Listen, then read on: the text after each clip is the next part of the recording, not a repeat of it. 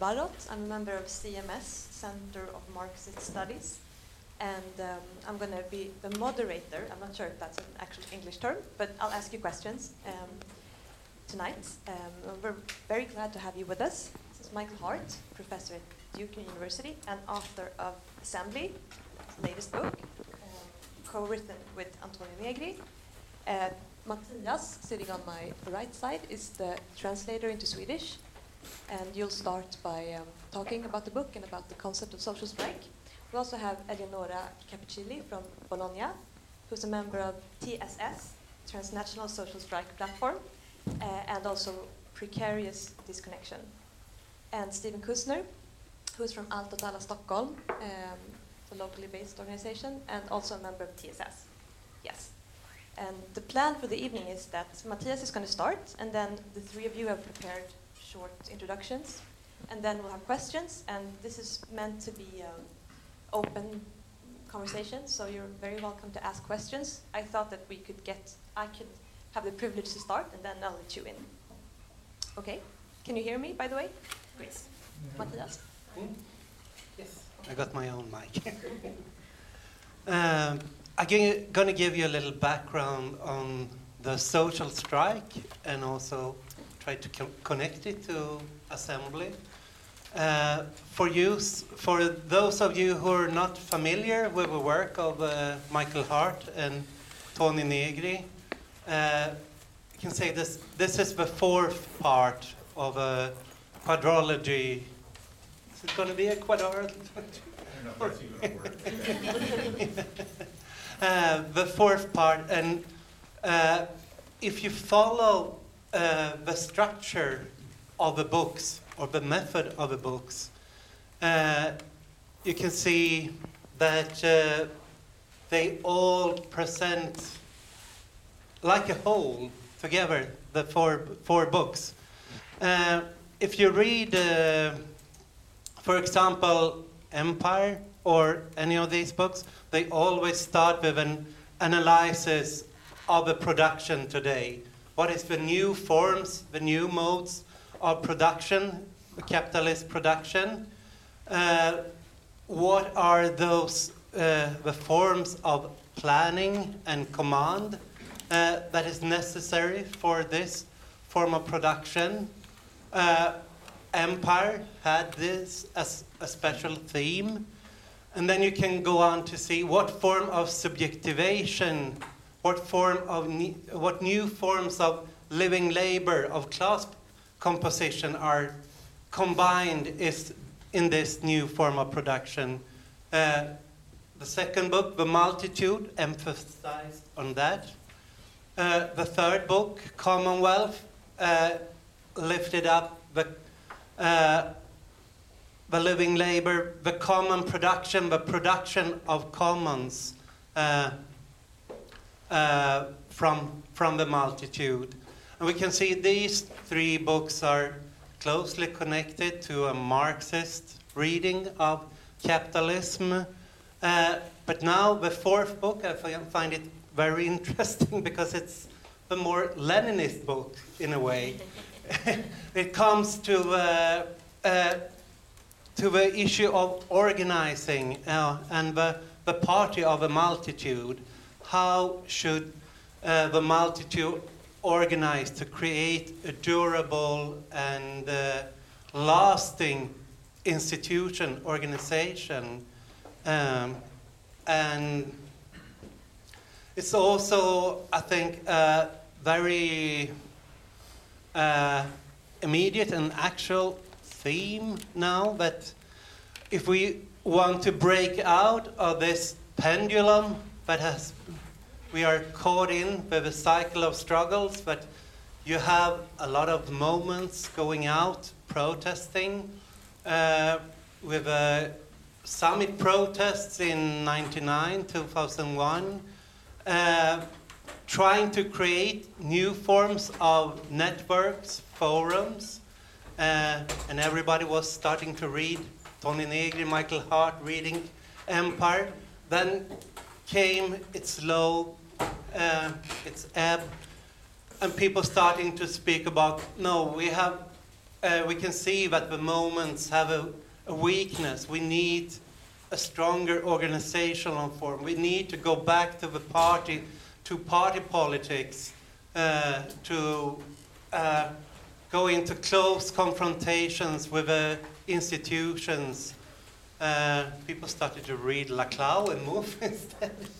and after, after a while, they could see that it was not possible too much to change through parliamentary politics, parliamentary elections. And the tide was going back again to the crisis protest, the Occupy moments. Uh, and now we seem to be back in this uh, populist turn in forming parties again. That is always a tensions between these movements or parties. And the interesting thing with assembly is that it's trying to break out of this, what we call uh, vicious circle or uh, bad regression, and trying to find ways out how, how could the moments by themselves organize to create this continuity and durab- durability.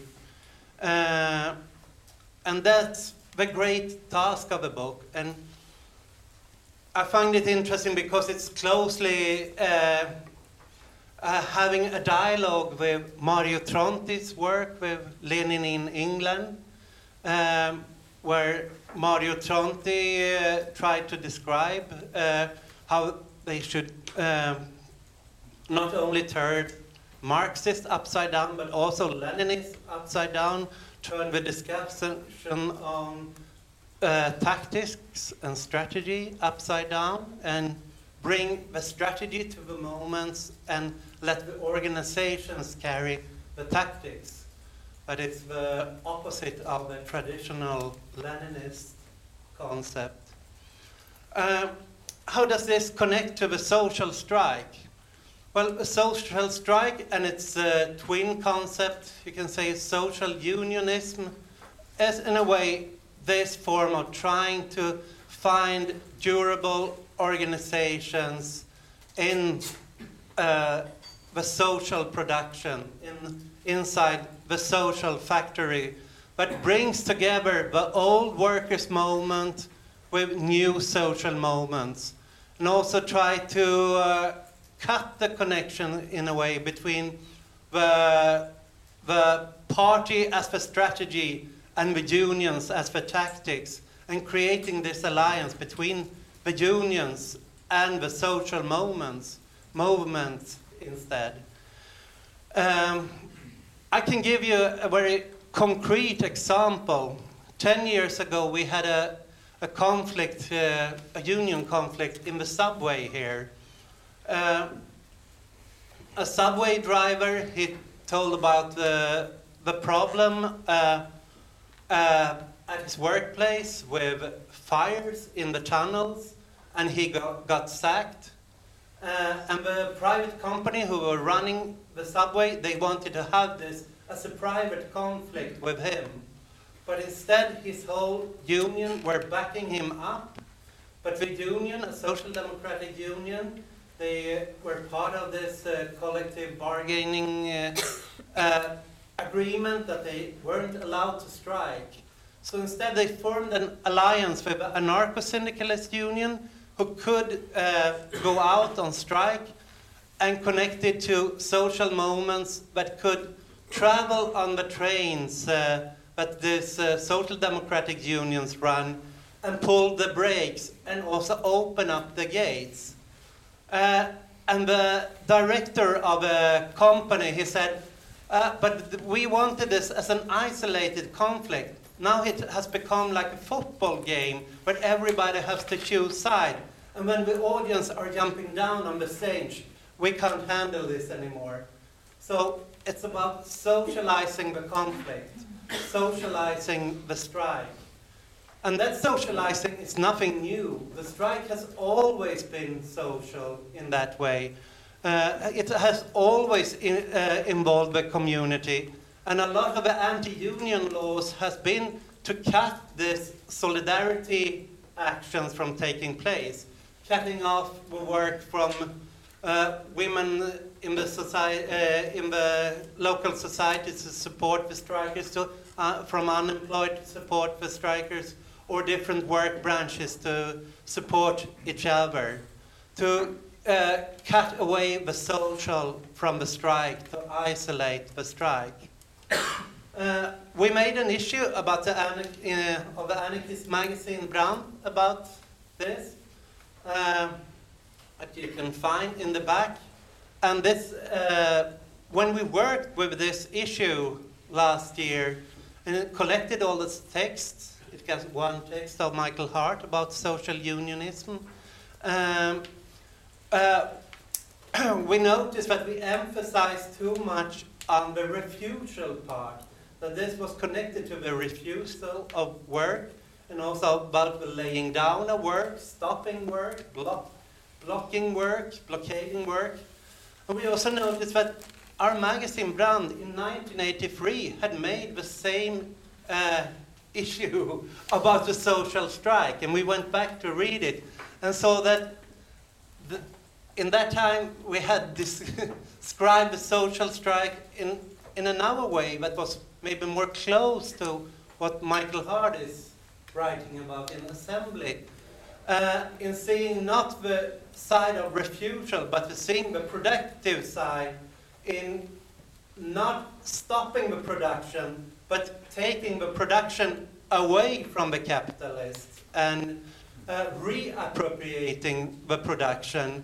Uh, they describe bus drivers that instead of stop not driving the bus, they refuse to take up payment for the bus, take up the fees, and letting everybody run for free. So uh, supermarket workers that cut uh, the prices in half, or electric workers who turned on the electricity for uh, apartments that couldn't uh, pay for the electricity bills. So it was uh, reappropriating. Um, and I think that will be an interesting part for this panel tonight to see these two parts of a social strike. The strike as a refusal, and the strike, what kind of productive side does the reappropriating side does the social strike have, and how can we, in that way, connect it to, it to commons, to our common social production, and uh, uh, block capitalists from, reappropri- from appropriating our work and reappropriate it back to us, uh, to our needs, to our purposes. Thanks.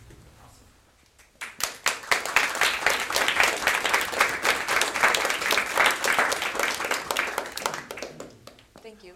I'll pass you the mic right away. Me? Okay.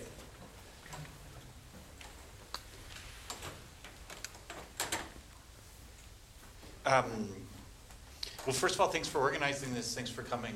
Um, and thanks also to Matthias for um,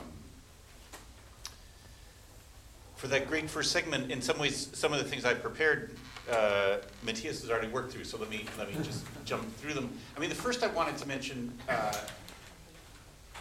for Tony and and me, the logic this is uh, going on the first logic that Matthias said about the way Tony and I always think, which is true. You're absolutely right.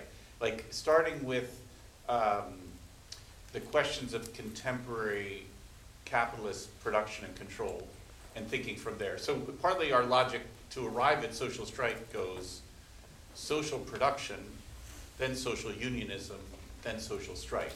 So the, there's a first moment that I, I don't know if I need to uh, give an argument for, which is that um, that the center of gravity of capitalist production today is increasingly social.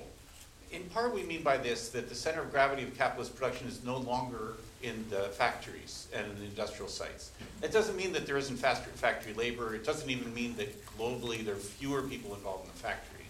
But rather that, like I said, the center of gravity or the hegemonic point of it is moving outside of the factory. And that's partly, at least, the first moment of what we mean by social production. that, that production today is increasingly social. Even the, the, what is produced in capitalist uh, production is increasingly social, uh, involving affects, social relations, intelligence, um, forms of connection, uh, rather than or in addition to material commodities. So that- that's partly what we mean by, by social production. And you can see quite quickly, if you were to um, accept this, that there would be a need for a different way of thinking the concept of strike. And it's an excellent challenge you pose, Matthias, about thinking not only the stoppage, because I do think of strike generally in terms of refusal, but thinking about strike as also a productive thing. But let me just stick with refusal for a moment, because I think that's the way generally in the socialist and communist traditions and syndicalist traditions, we've thought of strike as, as, a, as, as a refusal, as the, the power of workers to be able to refuse, to be able to block production. If, um, once one moves outside of the industrial context, one has to think about that differently, or it poses a new challenge. In the, within the factory, thinking strike is relatively, at least conceptually, easy and direct. Like what strike means is to stop production at the point of production itself. Uh, and so the work stoppage in the factory is what's meant. Once we think of, of production as even as the, the center of gravity of production, the most important sites of production moving outside the factory, one has to think that, that ability to stop uh, differently. That's partly why we're thinking of, as Matthias mentioned, a kind of thinking social unionism as a hybrid between trade union or traditional syndicalist structures and social movement structures. Um, and in some ways today, one could see the uh, appeal of that in that the relative weakness of social movements in recent decades has been their lack of a uh, lasting and institutional structures, which syndicalist movements could, could, could uh, lend to them. Uh, the relative weakness of the traditional labor union structures in recent years has been their lack of antagonism, for one, uh, and their, their lack of social militancy, things that social movements could certainly lend to them. So if one could think of a combination between social movements uh, and social unionism, and Matthias gave a lovely example of that, I thought, um, that would be the, the adequate form of addressing, of organizing social production, that kind of hybrid. And then the third point in things, what is, what, of thinking of social strike as the, um, as the extension of that. Uh, high, high, uh, a, a mechanism for halting production and reproduction that has to address society itself. Maybe you could say sometimes to address the metropolis itself. Uh, but, but in any case, not simply the, the limited factory space. Um, so one, one example of this in a different national context that, that has occurred to me when thinking about this were the so-called piqueteros in Argentina at the, at the time of the 2001 currency crisis in Argentina. And what the piqueteros were, were they were, um, they were organized, they were unions of unemployed workers, which is a lovely contradictory term, because normally if you are unemployed, you can't unionize. So there were unions of unemployed workers um, who would strike, and since they couldn't picket uh, the factory, because they had no factories, they would picket the city itself. And so that's why they were called piqueteros. They were picketers, but they would block the city. And they would block city streets. They would try to block circulation in the city. It was a way of trying to translate the industrial mechanisms of the uh, strike to a social terrain. The piqueteros were one experiment in that. Okay? But it seems to me this was the main, the main point I have, or in addition to what uh, Matthias, Matthias was saying, Matthias was saying was that um, that the social strike also has to have different characteristics than the traditional um, industrial strike or strike limited to a, to a specific um, context. Whereas the traditional labor strike can halt a single or limited point of production and create ca- cascading effects, you know, that, that I don't know, uh, the, the workers at a, um, uh, that produce the brake linings for an automobile, when they go on strike and stop the production of the brake linings, that interrupts the entire automobile, you know, chain of production. So by doing, by, by halting production in a limited site, they could produce, like I say, by cascading effects, have, have extraordinary kind of blockage. It seems to me that a social strike has to um, block either strategic points or more often has to operate on a much larger scale. Like, how do you block a society? That's the question, I think, for a social strike. Um, so, at least thinking in that sense, I'm not sure if this is always true, but I, I, maybe I pose it as a question. And I wonder if you could answer this question, which is Does a social uh, strike always require a majority to become effective? It, it, or maybe put this another way there's some ways in which a social strike always tends toward a general strike. Another way of posing the same question, maybe this is the more important one, is that a social strike is always political. It's not, a, a, it can't be merely an economic strike. A social strike has to be political because it has to, uh, to ex- exceed, has to spill over the economic site. So it, I think in those two senses that uh, one has to think of social, social strike in relation to general strike. I was hesitating to say as a general strike, but in relation to general strike, in its re- requiring a majority, or at least an, a, a, a, large portion of the population, and, and it's being immediately political rather than being uh, merely economic. And so here's my example, an historical one for this, at least it's pointing out this part. And I was thinking of the, um, the strike organized by the FLN, the Libera- National Liberation Front of Algeria, I think it was in January 1958, in the Algerian struggle against French colonial rule. They called, in January, they called, the FLN called a general strike. Um, a general strike of the colonized population of Algiers uh, against the, so one might call this rather than a general strike, a colonial strike, which is a lovely term, and I'd like to reproduce it actually in some ways. But so what, what was required for that, in some way, they were defeated. You know, they were defeated by the, the, the French colonizers, although maybe it wasn't a failure. Um, they were defeated in the sense that the French forced people, uh, forced people back to work. They forced children to go to school. So that it was, it was like a general strike, or it was a general strike in the sense that people refused to go to work shop owners refused to open their shops, uh, children refused to go to school. So it was a it was a strike of the entire colonized population. Um, and so it might be as a model for a general strike, but I think you can at least see the two requirements that I was at least wondering about here. Maybe not not yet, which is does a social strike require a majority? Because in that case it did, a majority, the colonized population. And how the social strike is immediately political rather than as being isolated as, as, um, as economic.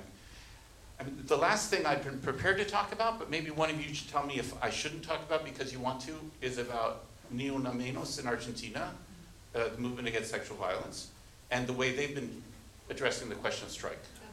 I can go ahead? Okay. I mean, the one thing that interests, so Ni Una Menos, a, um, which is a movement that started against femicide and, and, um, and sexual violence against women. Uh, started in Argentina, but has uh, a strong component in Italy and other Latin American countries, and in many ways resonances with women's strike elsewhere. Um, the thing, and they've proposed strike as a mode of action and organizing. And what has interested me most about it is the way, and, and particularly around March 8th, um, about International Women's Day, but in Argentina they've also conducted strikes on other days. Um, what interests me most about it is the way they approach it with a mode of experimentation, because it's not at all clear what strike means. Um, and I think maybe we should approach social strike that way too, with a with a um, a sense of experimentation, because it's not at all clear what it means.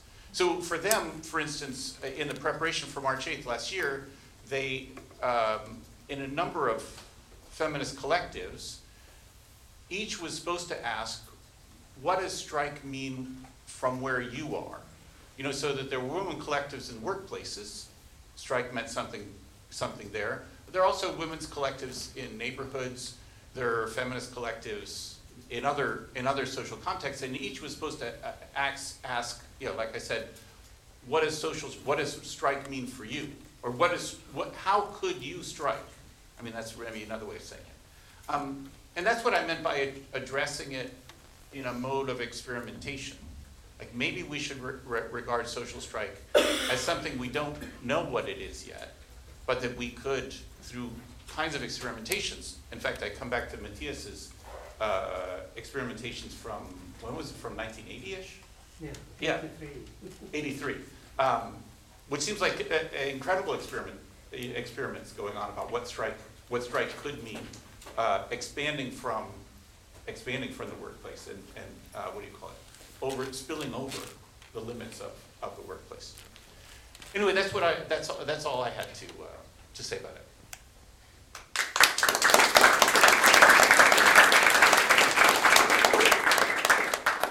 Thank you very much.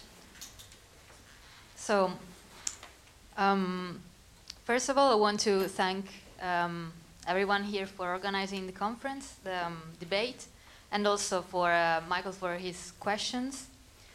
The first thing I would like to say about the um, uh, questions on um, should a social strike be uh, made by a majority or uh, also immediately political, I would say that um, uh, mm, the last experiences of a social strike uh, demonstrated that it should be even more than this. Uh, it should be global. And uh, that's why uh, I think that also the uh, invitation for this debate started with the experience of the global women's strike. And that's also why I would like to also start with taking back, um, going back to what Michael was saying about Ni Una Menos. But um, before, I would like also to underline that in this very moment, we should be really uh, able to recognize that women are now the subject who is um, most uh, um, visible in the current struggles, and they are the protagonists of some of the major uprisings in the last uh, few years. I'm not just speaking about the 8th of March on 2017 and 2018 this year, but also, if you think about the black protest, the Czarny protest in Poland for abortion rights, and uh, same goes for uh, the current um, protests in Spain against uh, the um, La Manada, the sentence of uh, the, the, judge um, saying that a woman was, um, since she didn't react uh, to a rape by five men, she was not sexually raped or um, yeah, so it was a, a, true uh, uprising again in uh, the Spanish streets with uh, 100,000 women coming together. So, um, but uh, there are also other instances, for instance, examples if you think about the um, teachers' strike in the US, for instance, in uh, Arizona, Oklahoma, um, West Virginia, and uh, actually some victories have been gained. And also, this uh, points to the question of um, is it possible to, to define all these examples as a feminism of the strike? Mm, I think that for, uh, for, for the transnational social strike platform, the, the global women's strike has been an example, a, a true powerful example of how um, a strike could be transnational um, because it, is, uh, it involves a, a, transnational subject, because women are transnational subjects, and also for its extension. I will go back to the social dimension of the strike.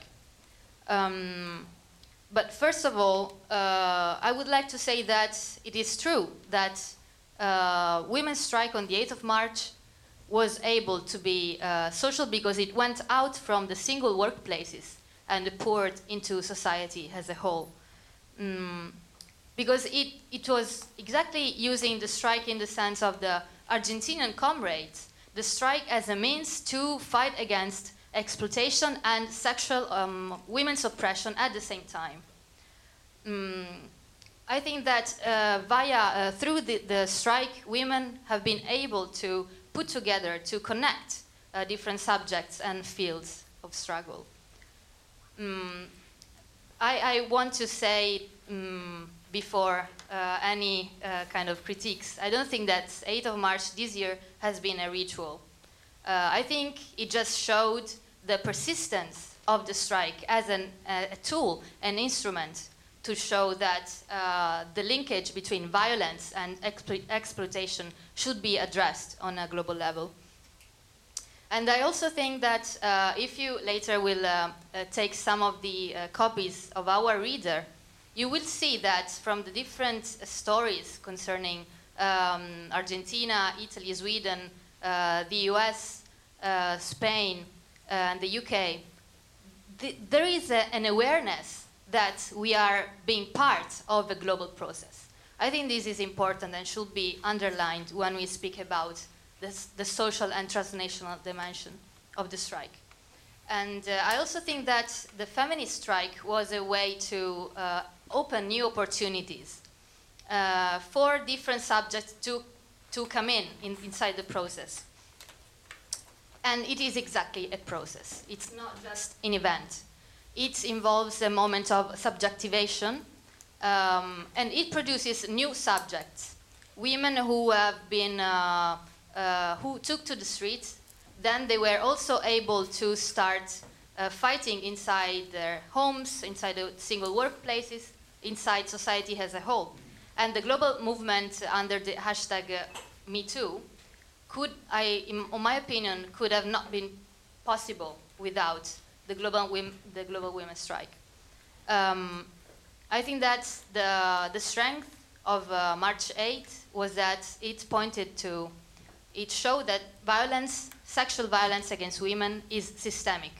So it does not just involve women, but it is, um, it points to uh, a kind of uh, social work of the symbolic. So it means that if there are some subjects who can be raped, it means that there is a precise social hierarchy to be respected. Otherwise, that's what, what's going to happen to you if you don't respect the rules. If you rebel, that's, one, that's uh, what's going to happen. Um, I think, therefore, that women uh, represent, with, by, by, the strike, they came to represent a universal part, um, claiming for uh, equality in the most radical sense.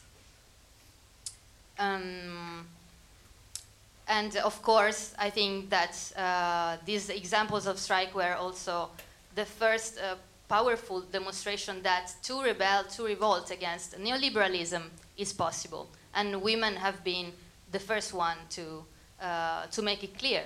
If we think about the protests in Argentina against Macri, or in Turkey against Erdogan, or uh, the same uh, happened in China this year. It was astonishing. For the first time, they, uh, women try to escape the barriers of uh, censorship. Um, and for China, this is a, quite a, a, big deal, I would say. So um, the strike has been able to synchronize different conditions and different places, but without expecting to homo homogenize them. I think this is one of the strengths of uh, women, global women's strike. Uh, now I want to go back to an the issue of reproductive labor or domestic labor because, as also Matthias said, uh, social strike uh, could mean, of course, uh, to mm, break the barriers between uh, workplaces, homes, and society. So, true, uh, the visibility of uh, domestic work is one of the issues at stake. Mm, because it has been historically uh, deemed as a non-political, something private.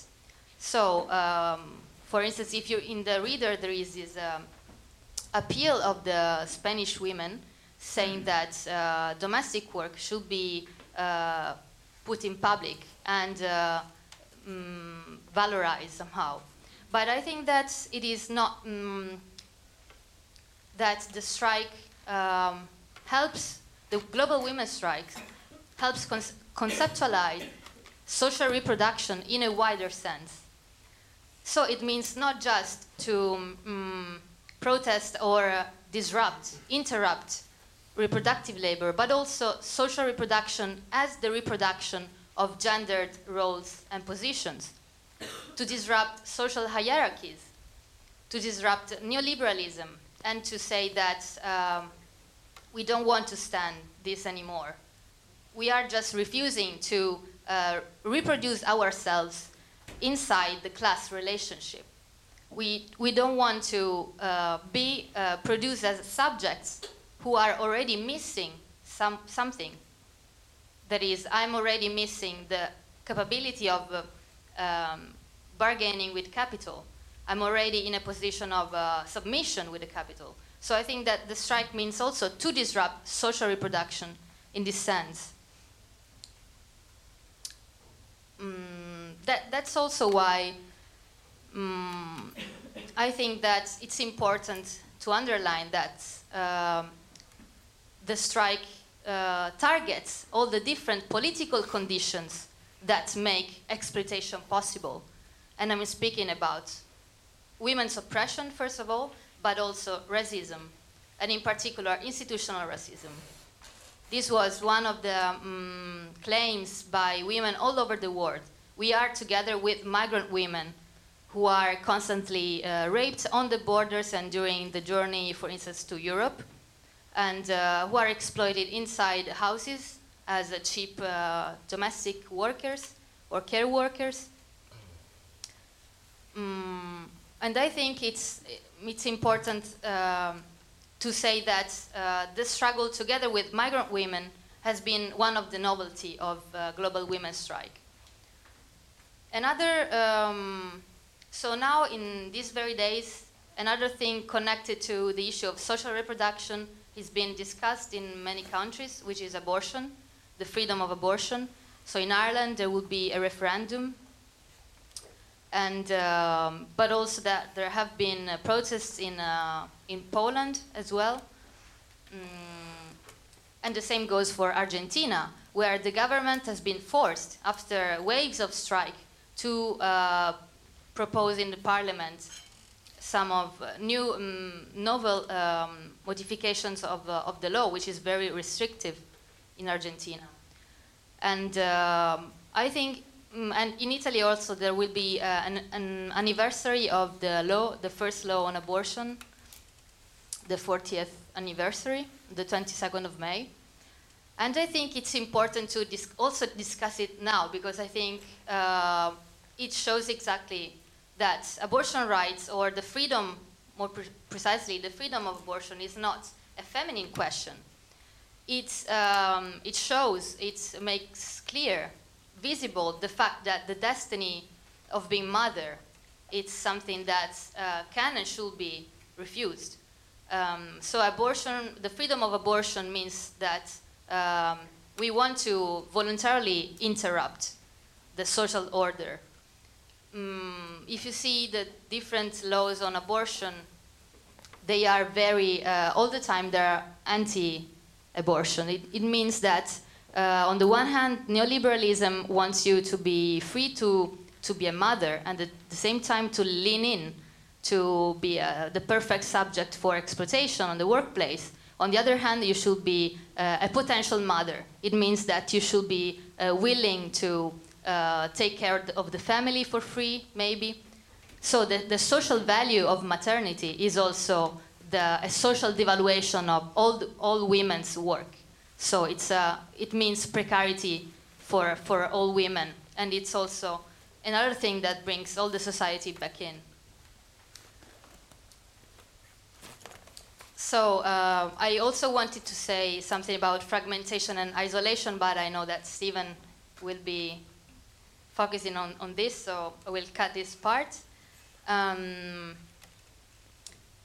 yeah, uh, going back to the issue of organization, I think that true, uh, Global Women's Strike has been uh, a source of uh, experiment experimentation.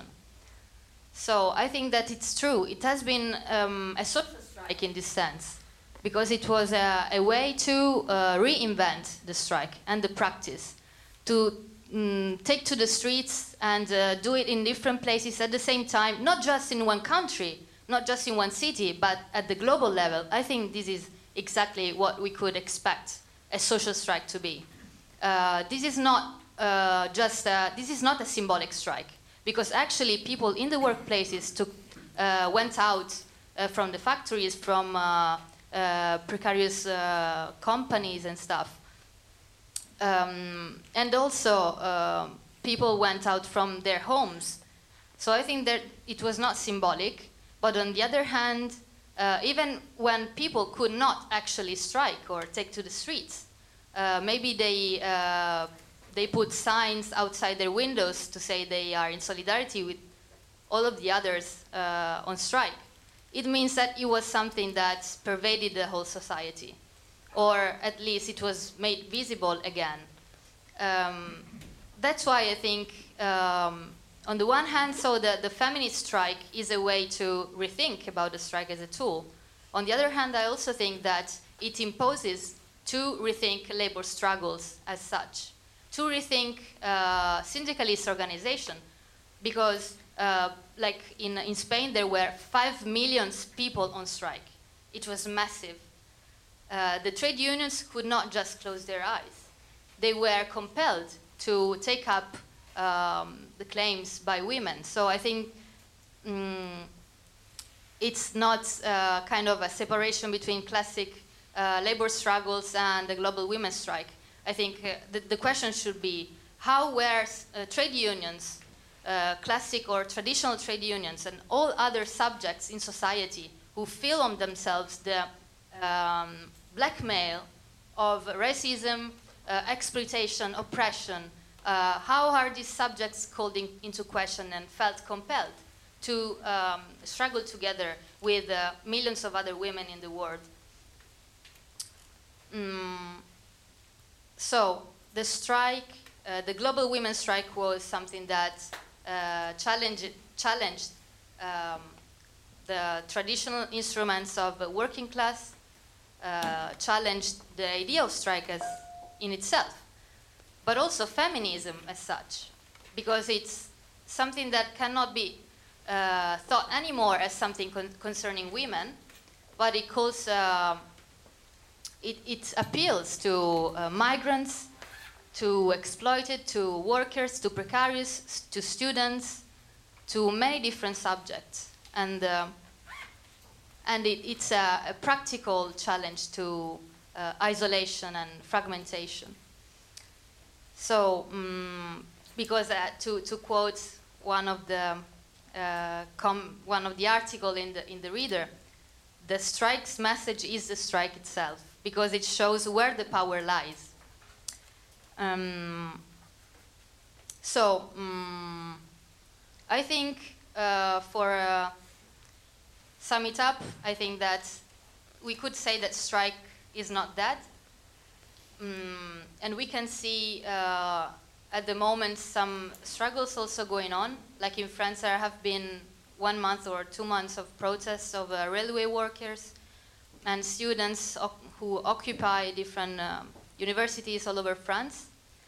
Uh, that's true. One of the difficulties was that it, the, the, struggle didn't go beyond the national uh, borders of France.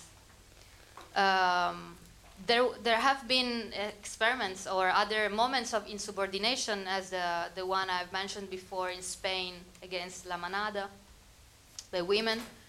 Uh, so that, that's true. We are uh, we face hard times. It's not anymore the time of uh, social forums or this other kind of uh, transnational organization, and that's why I wanted to to invite you all to uh, reflect and join us in the transnational in the project for a transnational social strike, because I think it is very urgent to organize on that level and to take up these uh, the the challenge to, um, to face and to, to protest against precarity, exploitation, oppression for uh, women, but also other subjects, and um, against the, the, government of mobility, against the racism. I think that only uh, um, posing ourselves on this level, we can actually uh, contest and struggle and fight against uh, neoliberalism as such. Thank you.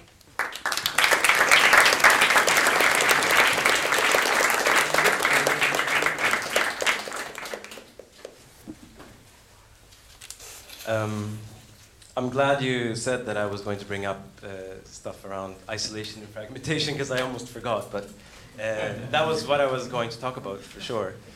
But uh, so much was said here already, so uh, I don't have to add like a whole lot. And I'm happy about that because uh, it's not really true what Shabana said that we all prepared a, a talk because I didn't do that. I have a bunch of stuff, uh, scattered stuff, like isolated and fragmented stuff, I guess. But um, yeah. Um, part of uh, what we have been attempting to do, some of us, in, in, the, in the sort of grassroots movements uh, here in Stockholm, in Allt åt alla, and like with our connection with the Transnational Social Strike Platform, is, is uh, attempting to investigate ways to bring out conditions and relations uh, for a social strike. Um, and when doing that, like, you know, recognizing not only what uh, Michael talked about that um, that work is more and more social, and that's why you need a social strike, but also that that all work is so. Um, I mean, um, is always connected to its social surrounding,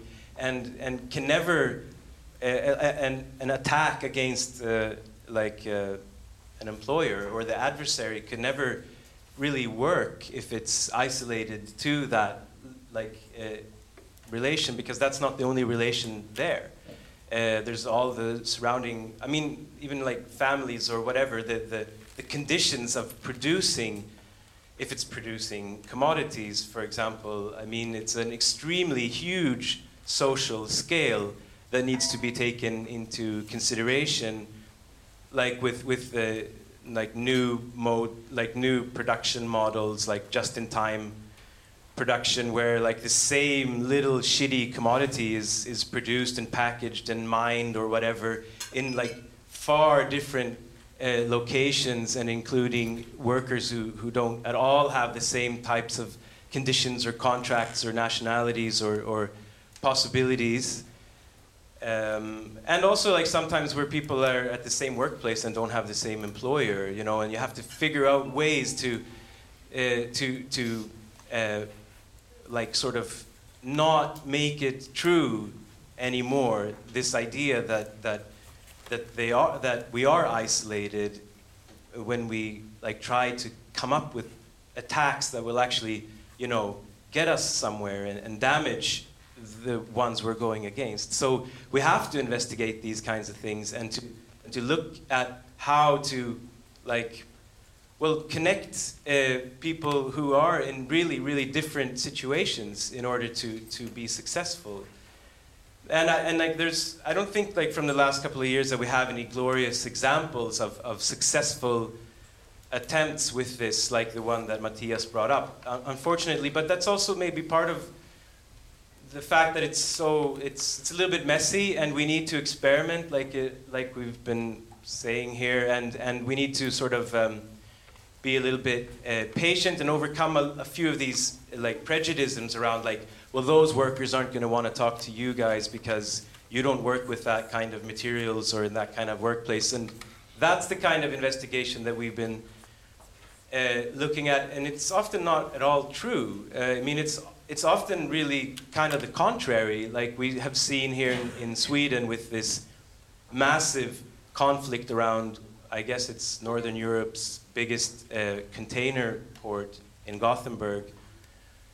Uh, and um, a very complicated relationship between the owner of the port and the, and the, the main union there that I'm, i hope someone else can sort of explain better so I don't have to like tell that whole story. But uh, we have been interested in finding ways to not only support their uh, uh, conflict, because it hasn't just been strike, but, but also to bring the conflict out of the harbor and to make it clear that these commodities that, they, that are in these huge containers are, are you know, part of what is supposed to keep this economy rolling. And when attacks on the workers who are handling these commodities are made to look like they are isolated against the workers handling them, it's like, um, you know, they're playing with with the whole economy uh, on both sides. And um, yeah, so um, yeah, and, and when, when we have uh, been in relations with the with the the, the port workers there. Um, like there was this one meeting where they asked us like, "Why are you so interested in, in our struggle?" And someone said that like, "Well, yeah, you know, the you're you're you have a possibility in your position to to like create a bigger damage than we can see in a lot of our other arenas here." And I don't know if we expected at that moment that they would get really suspicious, like, what, who are these people? What are they trying to do? You know, what are they tr- using us for? To, to crush capitalism, but their, their reaction was really positive, and they're like, "Oh, good." So like you, you you can see that. That's nice, and I think that that like um, when when when we're talking about social strike, a lot of people tend to think that like it's some kind of non workplace strike, but it's like uh, it's it's as I was saying before, uh, like you know, it's it's ways to to show to bring to the fore the social uh, nature of of all, all work uh, itself, and then to to be more powerful, and like so, some of the experiments that we have in some small ways tried, but also a lot talked about is like expropriating property in connection to other struggles. So, like being really instrumental about expropriation and not like in a sense that maybe someone else was talking about here, like to sort of reappropriate the means, but actually to, to just actually make fights more forceful by adding resources to those fights. And then instantly, of course, opening up that door that is supposedly there between the people who are working in this workplace where there's a conflict and the people who are not working in this workplace. Um, and so that's, um, uh, yeah, that's one of the things that we, we're, we're trying to look into more and more. Uh, like instrumental, uh, like attacks that will uh, sharpen the, the, the, the weapon of, of strike. And then, I mean, to this, you have to maybe add that that there isn't really this huge culture of strike anymore where like a scab is the, like the worst thing in in all of society which is a, real shame. So part of it does seem a little bit hazy like why are you guys uh, like invoking strike like it's some kind of voodoo thing? Like you're just saying strike strike strike but it seems like sort of necessary in a way because you need to sort of also bring up the sort of you know, uh, turn up the volume of like this powerful tool that we own. And, and like that's the main thing that we own is, is this type of tool. And that has also, I think, um, led like some of the discussions around some of the struggles away from ideas of wanting to be appeased with, with the like uh, uh, reimbursements or stuff like this in a struggle. Uh, because you know it's easy if like somebody offers like okay we're going to give you this because you guys are, are, are, are not satisfied and then it's something material. And like paradoxically sometimes that's like the worst thing. Like okay you guys in this housing struggle here well okay we're going to give you a nicer stove than we said at first and that can be a real huge problem when what we actually want is to be in a position of continuing a fight not just ending a fight. And so what like the the um, the ambition there is to to to not get little presents, but to um, have better rights to use this tool. Exam- for example, strike, which like you know a rent strike is almost impossible here now, and therefore it's impossible to to tell your neighbors that we're going to do it because nobody believes everybody believes we're going to get evicted if we try, uh, and we really need to sort of make that so uh, like a guarantee for us. Like so that's what we want rather than some kind of handout that anyways is going to end up in the in the like you know account of the of the landlord or something like this. Um, so so like to to have better control over these tools that will allow us to continue the fight because of course that's what we want to do. And that also that that's also empowering in itself uh, we've noticed a lot of in a lot of like experiments around this where people have totally uh, like uh, disassociated themselves with the idea that they are struggling you know workers or, or, or tenants for that matter But as soon as you have some kind of tool that you can use against the, the enemy, you know, people feel like this is their thing, this is our thing that we can do. Uh, and so you more sort of own the fight, and it becomes more sort of part of what, like you, you, you are like pulled back into, uh, okay, yeah, that you are also a, a, like a fighting, uh, yeah, part of all of it, rather than someone who just got something. All right, I repeated myself, but I was going to say other things, and, but that's enough. Sorry, I didn't mean to interrupt you.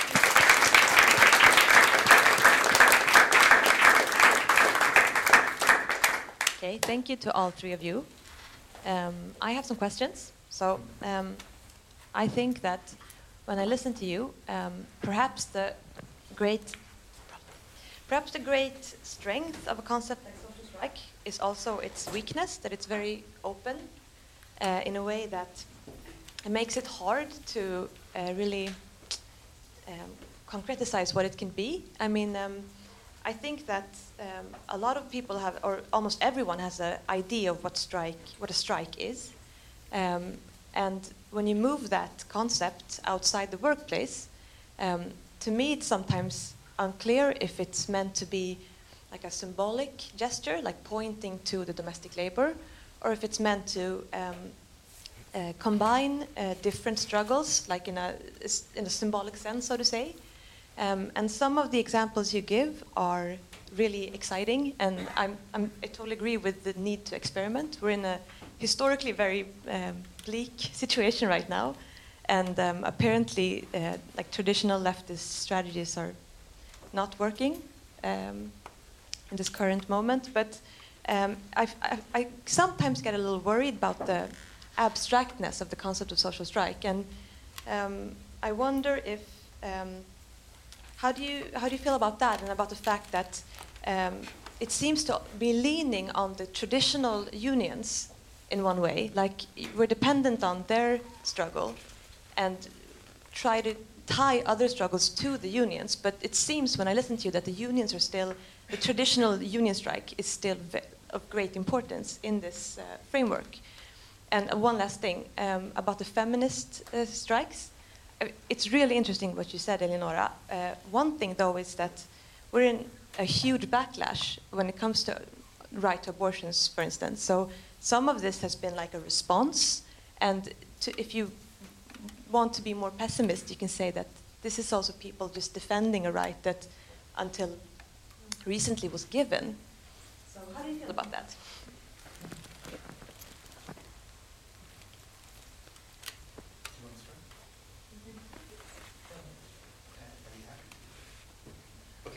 Okay, I'll start. Um,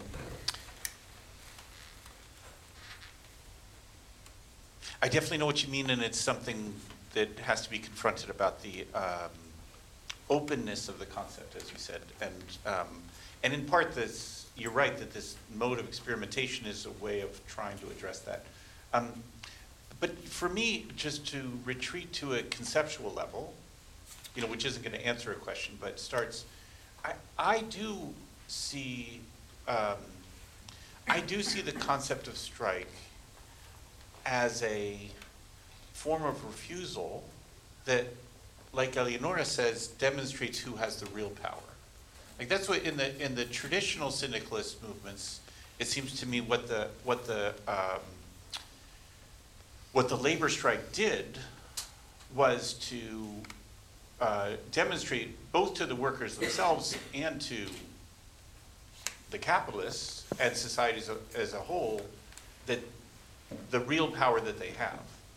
So, uh, and, and, partly through their refusal, like that by refusing they could stop um, uh, production as a whole.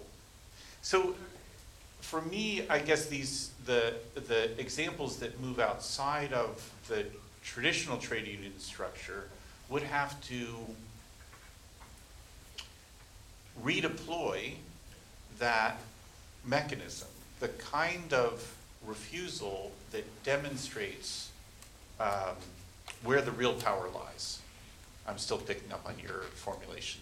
Um, because that's what I, that's what, uh, you were posing that in terms of the women's strike, that, that, that what it does is to demonstrate an unrecognized power, and that, and that what that can do. Um, we still have to confront, or I would still have to confront what Matthias was posing, which is that one has to think not only of a refusal, but, but in what ways in which this is a construction of an alternative, something like that. But I'm not yet, yet there with that.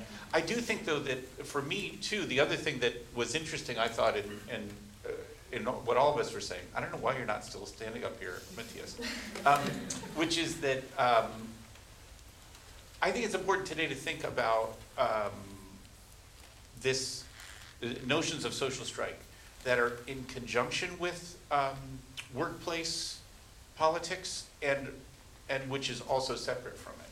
So it seems to me that it's not only, I mean, you didn't put it the mean way. The mean way of saying it would be that these are only parasitical on, on, uh, on labor, on labor workplace politics. I think that it, it, it both can be a complement to workplace politics and can be something that is separated from it, and that both are maybe ones to think differently. Uh, in the case of, of, of, of, of, of the notion of a feminist strike, it, and it's really the Argentinian situation I know better than others, it goes both inside and outside the workplace. And so that might be one way of thinking about it. Um, but I think some, in some cases, it's, it's, uh, it, it's relatively separate from the workplace as a location. Um, so anyway, I would think of it as both of those. Sorry, that wasn't great, but that's it. So, um, thanks for your questions. I think that um, it's uh, true. The the notion of a social strike might seem a bit like blurring all the time, or hazy, or I, I don't know how to say, but different to define. But I think it is exactly one of its uh, strengths. That it that means that um, different moments of insubordination all over the world could be put together, even though they don't have uh, the same form or the same uh, tactic. But I, I, would say that uh, women's strike is a concrete instance of social strike because it starts from a very concrete, specific condition, and then it shows how it has effects on the whole of society. So it socialized the strike in order to to it, um, for it to be a means to contest and fight against uh, general effects of, let's say, the oppression of, on one single subject. As I, as I said before, if women could, could be, can be uh, raped, if violence is uh, tolerated, legitimated, and sometimes institutionalized against women or against migrants, or against migrant women on the border in the Libyan uh, detention camps or during the journey, it means that there is a, a, a, social hierarchy that has to be respected.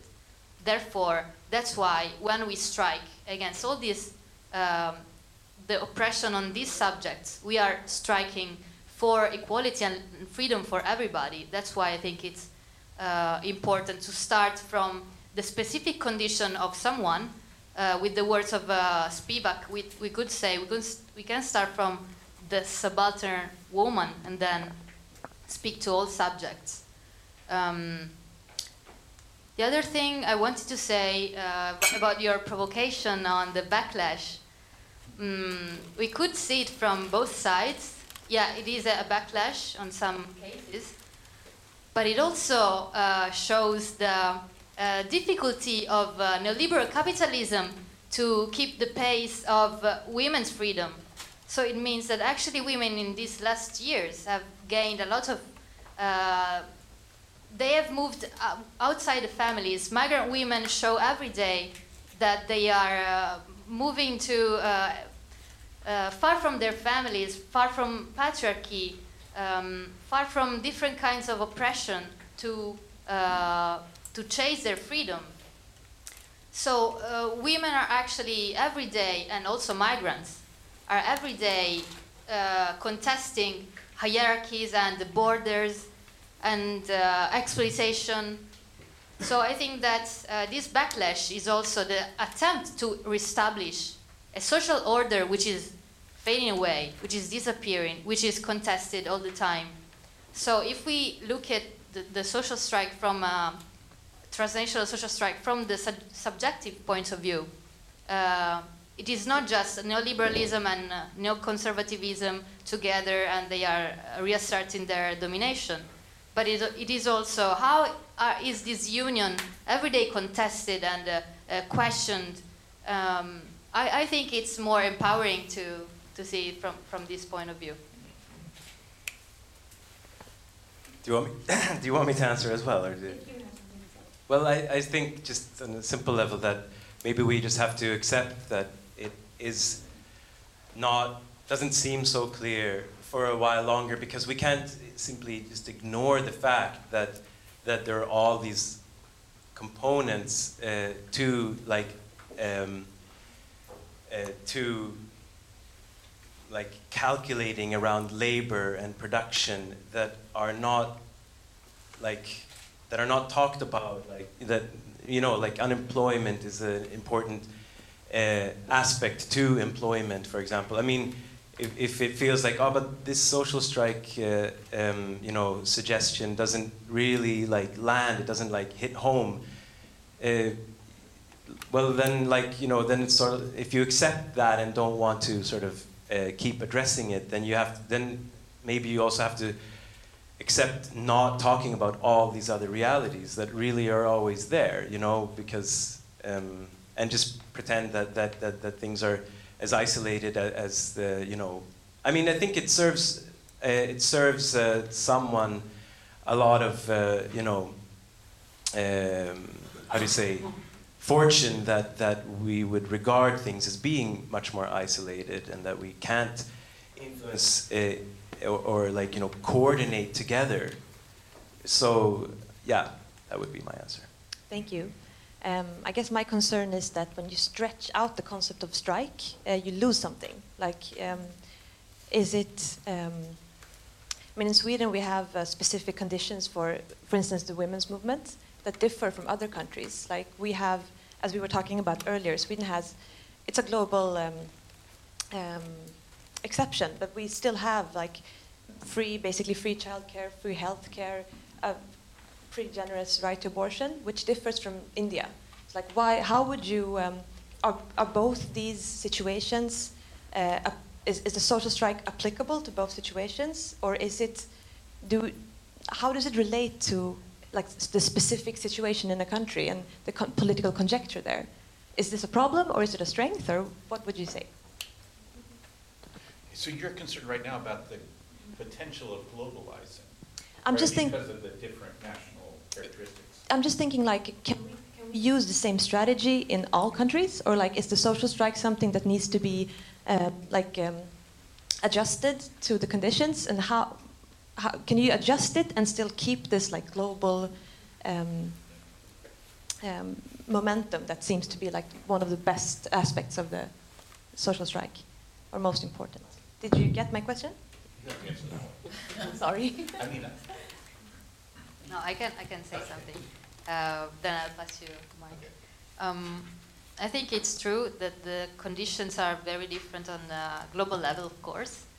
Uh, but I think, as I was uh, telling you before, that the problem of violence is not really dependent on welfare benefits. I mean, people are raped and uh, killed. Women are raped and killed also in Sweden. Um, the same goes for very rich countries. Mm, of course, in India, the phenomenon reached peaks which were unbearable, so that in 2012, actually, Indian women were the first to uh, take to the streets. In 100,000 uh, women protested against uh, the legalized rape or uh, the, the uh, honor killings and this kind of stuff, which reminds us of uh, yeah, other epochs. But I would say that uh, if we start from differences, then it's more difficult to find out any kind of yeah, potentials for struggle. But if we start from a very specific condition, uh, then it's, it's easier uh, to find global connections. And I also think that uh, what, what is also one of mm, most important Marxian legacies is that uh, capital is global, is already global. Even even though we cannot find uh, uh, the same structures, the same modes of the the, the same uh, forms of exploitations all over the places, I think that we are all connected. So what happens in India and the, the work they are doing for um, um, electronic industries and yeah for exports, processing zones and stuff like this. I think it's very connected to what happens in, in here. Um, but it is more a general issue of how we uh, conceptualize the global space. Uh, it's very um, like narrow-minded or narrow-sided to to say uh, I don't care about what happens in other parts because it doesn't touch me. Of course, I think uh, we should be very careful, uh, like um, posing the uh, like stressing all the time how different we are because as we have seen violence on, um, against women is something which is uh, coming back and again and again. And if we see, uh, uh, on the other hand, abortion, uh, the freedom of abortion, we can say like uh, in Sweden it is legal, or in Italy more or less the same. in, in Europe it is legalized, kind of, except from Ireland and Poland. In Africa, yeah, they're doing worse. In Argentina, yeah, very limited. In uh, uh, Ecuador, it's totally banned. So, uh, is it something that means that in the countries where abortion is free, they uh, have uh, more freedom, the women are more empowered or emancipated? Um, this is a tricky question, of course, because if, if you see the global levels or the global rate of abortion performed by women, it is even in all the countries. It's uh, kind of very interesting. In all over the world, women are uh, doing abortion when they need it. It means that it doesn't depend on legal aspects or the uh, the presence that the government give to them, like to say, okay, uh, we, we give you laws so that you are emancipated to women. I think that this is uh, um, this show how women are actually um, taking their freedom, even when there is no government to, to give it to them. So uh, I think yes, there is a, there are still different conditions, and I don't think that the social strike should homogenize them or uh, pass over them. Uh, but I, we, we should be very aware of this. And also, if we think about migrant strikes or migrant struggles, there is this political condition, which is the residence permit or the fact that they are passing the borders and in this way their quali- their skills are devaluated. That's true, but it doesn't mean that we cannot struggle together, recognizing this very specific condition. So, thank you for your question.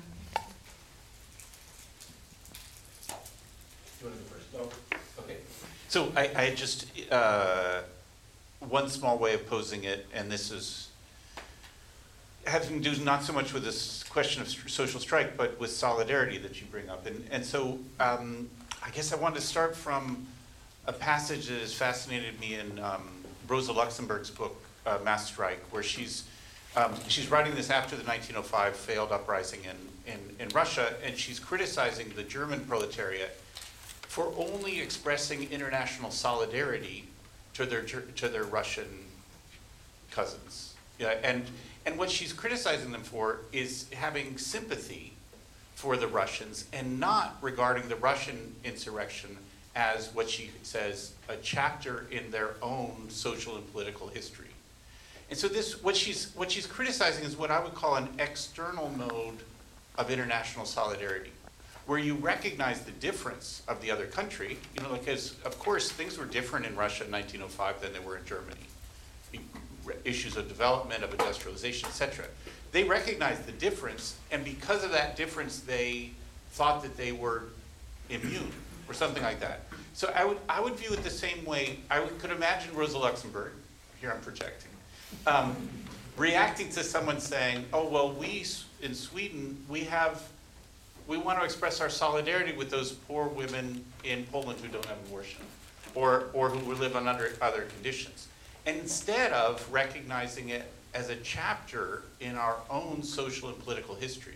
Like what she's asking for is, you know, first of all, yeah, I guess it's really this, that it's, it's posed as a challenge to rec- to recognize the difference, because of course, like you say, there's a real difference uh, between countries where abortion is legal and countries where it isn't.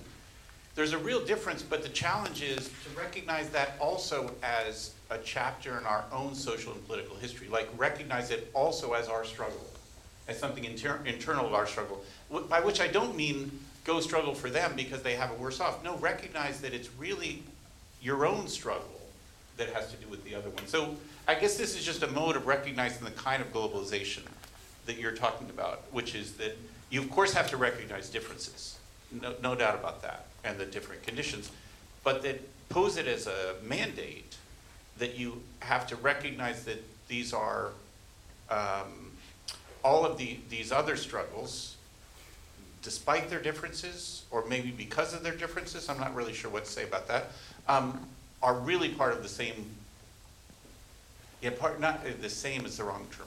The one has to recognize that multiplicity and how one can struggle in common. Or the Rosa Luxemburg way of posing it, how recognize it as also part of our own, of our own political struggle, our own political history. Okay, I don't know if that's really an answer, but it, It was interesting. Yeah. Thank you. Um, I thought that we should let the audience in because there's only in half a half an hour left, and we have a mic here. Oh, thank you. So hand raising. Uh, Hi, thanks. Um, um, So I have a, just a quick comment and then a, the, a question. And, and I think I was, I, I've sort of been concerned too about the notion of the strike having too strong a resonance for the resonance with the old labor union strike in a way that might sort of, if you try to say that this struggle is, is a strike, it's like a strike, that it's almost a kind of economism of politics in some ways, where the hegemony of that older model is too strong. But I think that's exactly why I like it for feminism. And the whole idea that it's a strike in some ways that is a way to really call attention to the fact that that all of these struggles, whether it's abortion or violence, are linked to the politics of reproductive labor. And they really can't be understood outside it. And I like the idea that the strike really insists on the economic legacies of this, even though we're articulating really different struggles with it. So violence against, you know, women, I mean, obviously it happens in workplaces, but most of it happens in families. I mean, that's where most of the violence takes place. Um, and the family is an economic unit that's absolutely central to the organization of production and reproduction. So that I, I actually like that part. I like it for feminist purposes, particularly this notion of the social strike.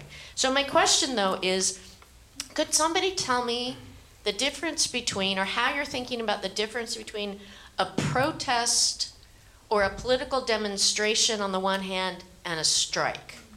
So in a protest or a political demonstration, you're also, like you know, Michael was saying, you're, you're showing your power. You're in the street, you're showing your numbers. You're, I mean, and in some cases, like with the strike from May 8, March 8th, people were asking people to stay home.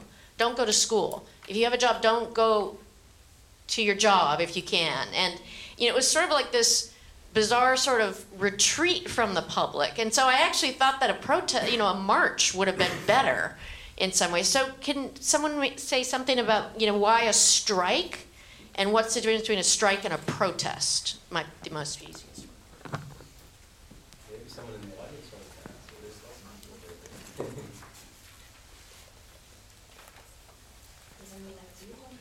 I mean, I'll just say one little thing. Or did you want to? I'll just say one little thing. You remind me of the, um, uh, it's a passage in the book by Piven and Cloward called Poor People's Politics, and they're, they're trying to say, what, what can poor people do? Like, it, it, whereas workers can strike, they were saying, what can poor people do? And they can, and, the- and their answer is that the poor, poor people can also, um, uh, uh, refuse their, um, uh, not their servitude, but their, but their, um, should, re- refuse their social belonging in a sense. I mean, they were trying to draw the, in some ways, the uh, parallel between the workers' refusal in the workplace and the poor people's, the unemployed's work, refusal in the social space.